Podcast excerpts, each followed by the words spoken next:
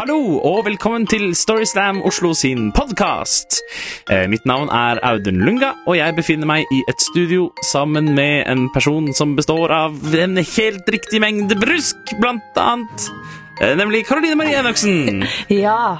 Hei. Normale mengder brusk, mener jeg å si. Ja. ingen abnormal brusk. Nei, Hei til deg. tusen takk. Det er den mest absurde introduksjonen jeg noen gang har fått, men uh, den er fin. Ja. Ja. Vi skal høre noen historier i denne podkasten. Ja, det skal vi. Og de ble fortalt på Kulturhuset i Oslo den 5. februar 2018. Ja. Hmm. Eh, og begge disse historiene handler jo eh, på sett og vis om det å skaffe seg og holde på vennskapsrelasjoner. Mm, vi skal høre litt om forskjellige taktikker som vi bruker for å ivareta de vennskapsforholdene vi vil beholde. Ja. Og noen eh, er jo litt mer ekstreme enn andre. Her kommer fortellingen til Marit Saltnes.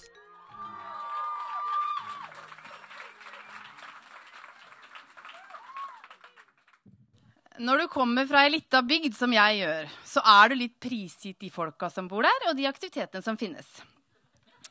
I bygda mi, der visste alle hvem fylliken var, hvem eh, storsjarmøren var, hvem som brente hjemme og at han solgte til han fylliken.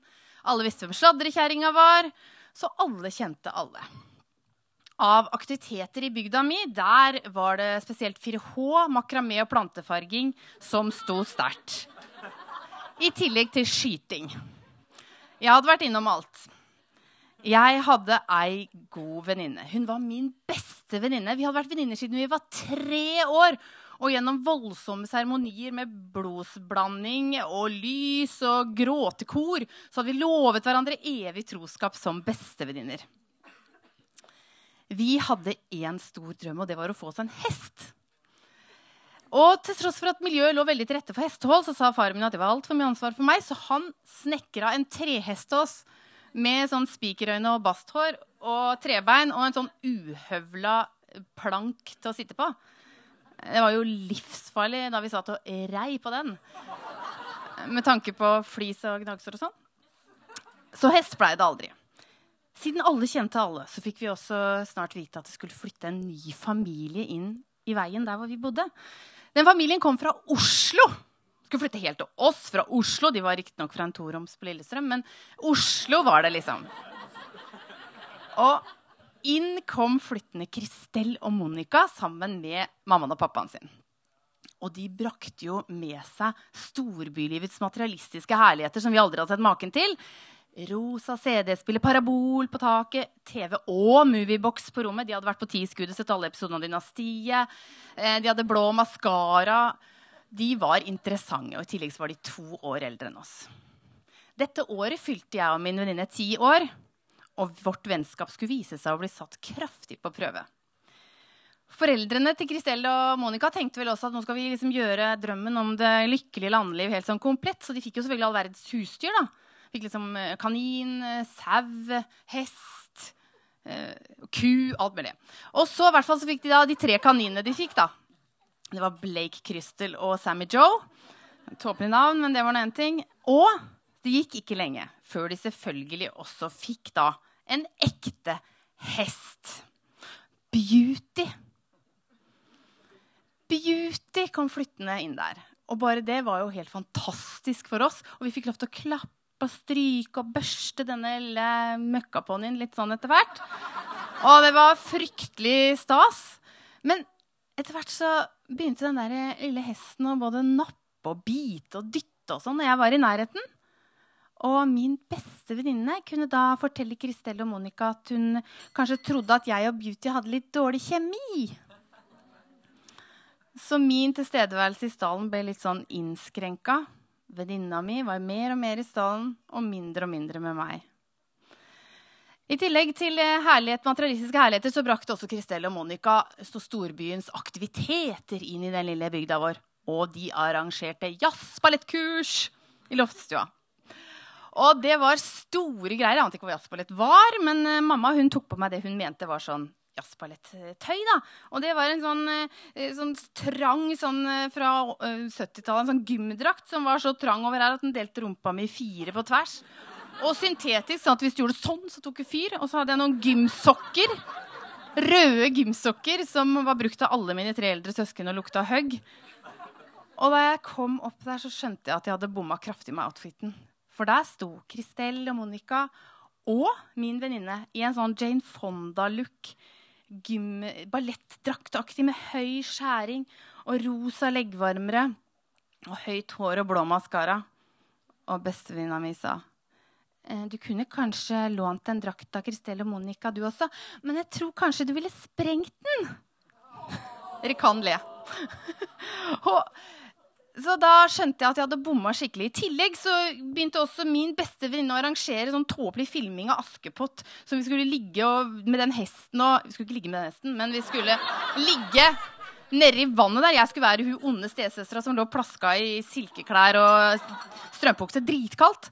Og så, da Det syntes jeg var en tåpelig idé, så jeg begynte å hate. Virkelig. Jeg hata, og jeg savna. Og i dagboka mi så finner jeg ut hva jeg velger å gjøre, for der står det 'Jeg skal drepe Beauty'. Og neste side så står det 'Nei, jeg skal drepe meg selv'! Og dagen etter så skulle jeg til mormor og spise kake, så jeg gikk bort fra den plan B. Så mens jeg var hos mormor, så, så jeg en liten sånn rød boks med et dødninghode på. Og mormor kunne fortelle at da er rotta gift, da tar alt. Alt liv! Så jeg tok med meg den om ettermiddagen, løp inn med skjelvende hender og bankende hjerte. Løp inn i stallen hvor Beauty sto, og kasta masse rosti til høye. Jeg løp ut igjen og tenkte nå får jeg helt panikk, for jeg tenkte ikke at Beauty skulle dø, dø, dø, men jeg ville jo ikke tro at de, de andre måter skulle tro at jeg var ond. Jeg var bare veldig, veldig såra. Så da jeg gikk hjem den kvelden, så sov jeg ikke særlig mye. Dagen etter våkna jeg, og til min overraskelse så sto Beauty på beite. Og jeg løp bort til stallen akkurat idet jeg skulle ta i dørklinka, så hørte jeg et ramaskrik inne fra låven. Da jeg åpna opp, så så jeg at det var ikke andre enn kaninene som hadde hoppa i høy den natta. For der lå Kristel og Monica sammen med to kalde og stive i pelsen, Alexis og Blake, som hadde dødd. Og jeg kastet meg med i hylekoret over dette brå og uventede kanindøden. Og det var helt forferdelig. Og jeg tenkte at nå, nå må jeg virkelig spille med. Så eh, tida gikk. Beauty, hun kan for alt jeg vet, leve den dag i dag. Og utpå sommeren så skjønte jeg fort at vi mista nyhetsinteressen for Kristel og Monica. For jeg fikk min beste venninne tilbake.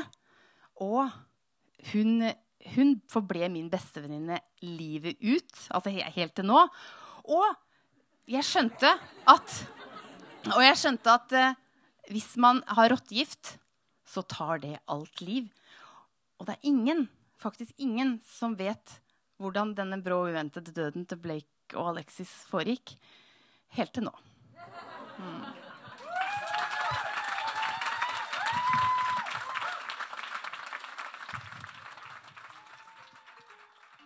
Tusen takk til Marit. Eh, Audun, Mhm. jeg lurer på, har du noen gang begynt på en aktivitet eller hobby, eller interessert deg for noe eh, av den motivasjonen å imponere noen andre? Mm, ja, det har jeg. Um, jeg begynte å drive med podkast uh, for å få oppmerksomhet fra noen. Oh. Ja, og det har jeg ikke fått ennå. Men, uh, men jeg, jeg gir meg ikke. nei, ikke Nei. sant? Men så bra. Har du gjort det? Eller, ja? Vært Ja, øh, eh, ja.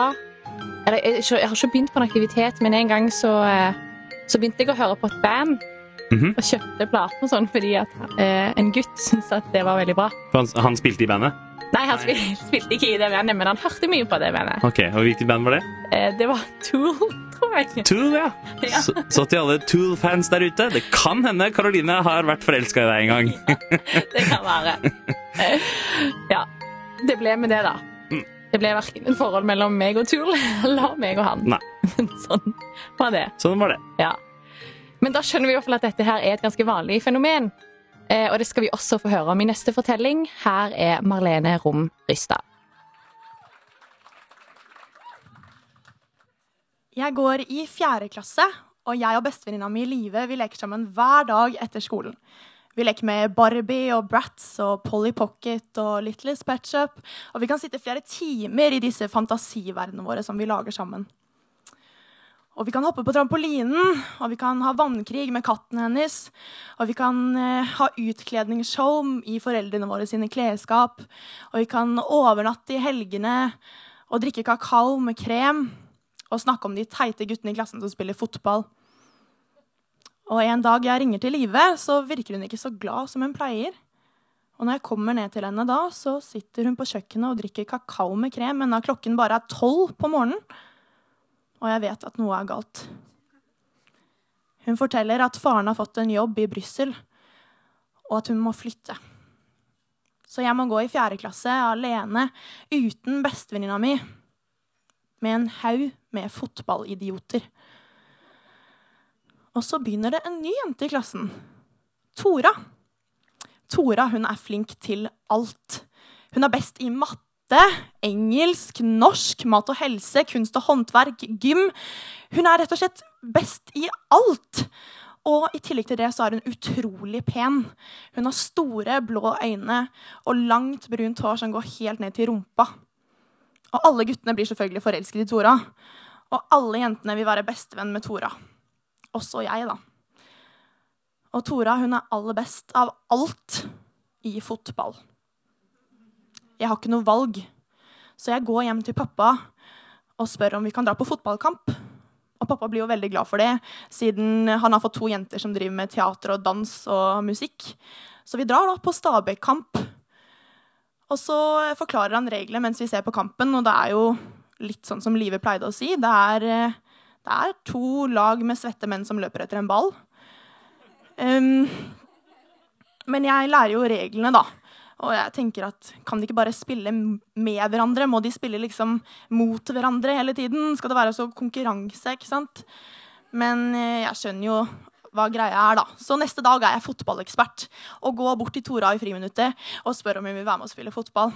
Og det vil hun selvfølgelig, fordi hun spiller jo fotball hvert friminutt. Så går vi bort på gressbanen, og der er det en slags utvelgelsesprosess. Man blir valgt sånn én og én på hvert sitt lag. Og eh, siden jeg kommer med Tora, da, så blir jeg valgt ganske tidlig i prosessen. Dagen etter blir jeg valgt sist. Helt sist.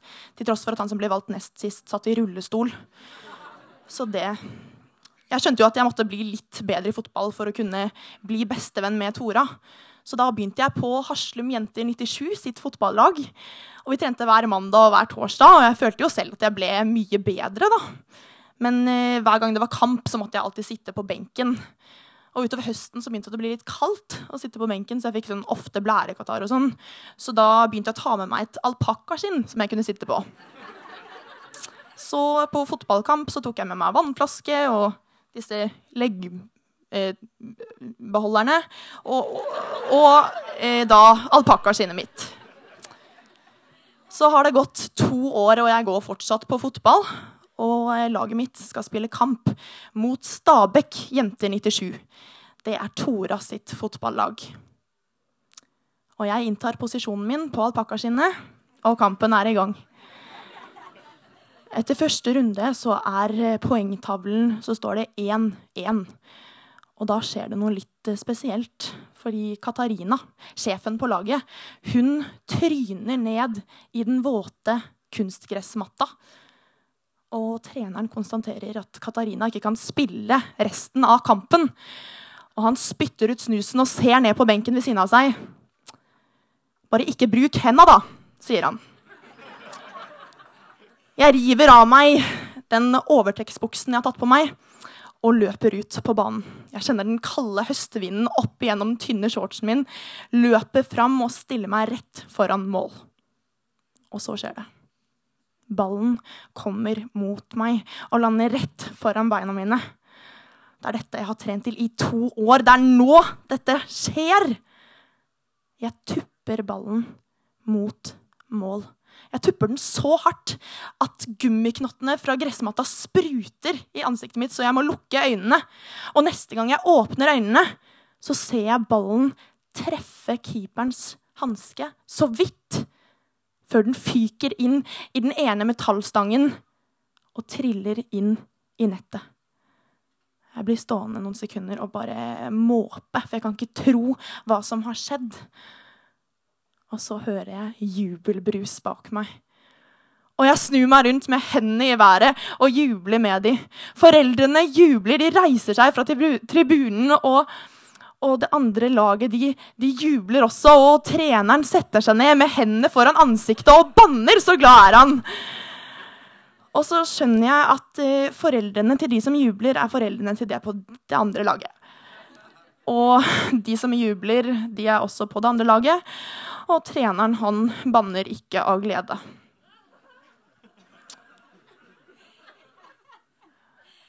Jeg går med bøyd hode tilbake til alpakkaskinnet mitt. Tar opp overtrekksbuksen som har blitt våt av å ligge på kunstgresset i en haug. Og så kjenner jeg en skulder, en hånd, på skulderen min.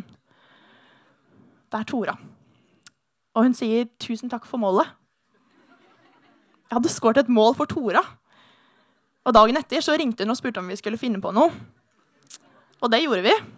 Vi tegna og fant opp våre egne tegneserieverdener hele den dagen. Og så begynte vi å finne på noe hver uke. Og etter hvert da, så ble vi bestevenner. Og så slutta jeg på fotball.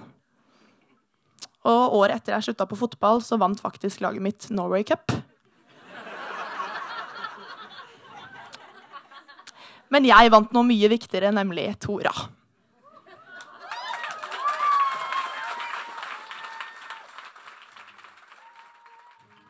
Tusen takk til Marlene. Neste Storyslam, Karoline, den er faktisk allerede nå på søndag. Ja. 15. april. Eh, på Sentralen i Oslo klokken 19.30. Eh, og det er ikke der vi pleier å være, men det er fordi denne gangen så er det en litt spesiell Storyslam som vi har fordi vi har fått lov til å avslutte den store fortellerfestivalen. Ja, det er ganske kult. Ja, Så ta gjerne turen dit hvis dere vil. Ja. Og etter at vi har vært på Sentralen, Audun, så skal vi ut og reise. Ja, det skal vi. Ja, vi skal til Bergen. Hurra! Ja, Min yndlingsby nest etter Oslo. Ok, Kanskje. så kult. Jeg vet ikke. Men det vil jo vise seg, da. Det finner vi ut av. Ja. Eh, Vi skal til Bergen, til Lille Ole Bull scene, og ha Storyslam der eh, onsdag 25. april. Mm. Så hvis du befinner deg i Bergen, eller vet om noen som gjør det, så må du jo ta turen dit. Ja, Og gjerne spesielt hvis du har en ekstra sengeplass den dagen. Ikke sant? Mm. Vi trenger et sted å sove. Ja. Seriøst. Vi er åtte stykker, noe sånt noe. Ja. Har, har, åtte. Har vi noe sted å sove? Snakke kulturarbeidere. Ja. Nei da, vi, det finner vi ut av. Vi finner en, vi finner en, vi finner en 7-Eleven eller noe sånt. Ja. Hvis ikke så kan jo folk eh, sende oss en melding Ja. på vår Facebook-side eller eh, en e-post på post at storyslamoslo.no. Det kan du for øvrig også gjøre hvis du tenker ah, jeg har en fortelling som jeg kunne tenkt meg å fortelle på scenen. Så ta kontakt med oss. Gjør det. Og så vil du jo også finne mer informasjon om kommende arrangementer og ja, andre ting som vi holder på med på Facebook-siden vår. Vi har også en Instagram-konto som man kan følge, og abonnere på denne podkasten som du nettopp har hørt på, eh, som kommer ut med ujevne mellomrom. Ja. Takk for nå. Hurra! Takk for nå!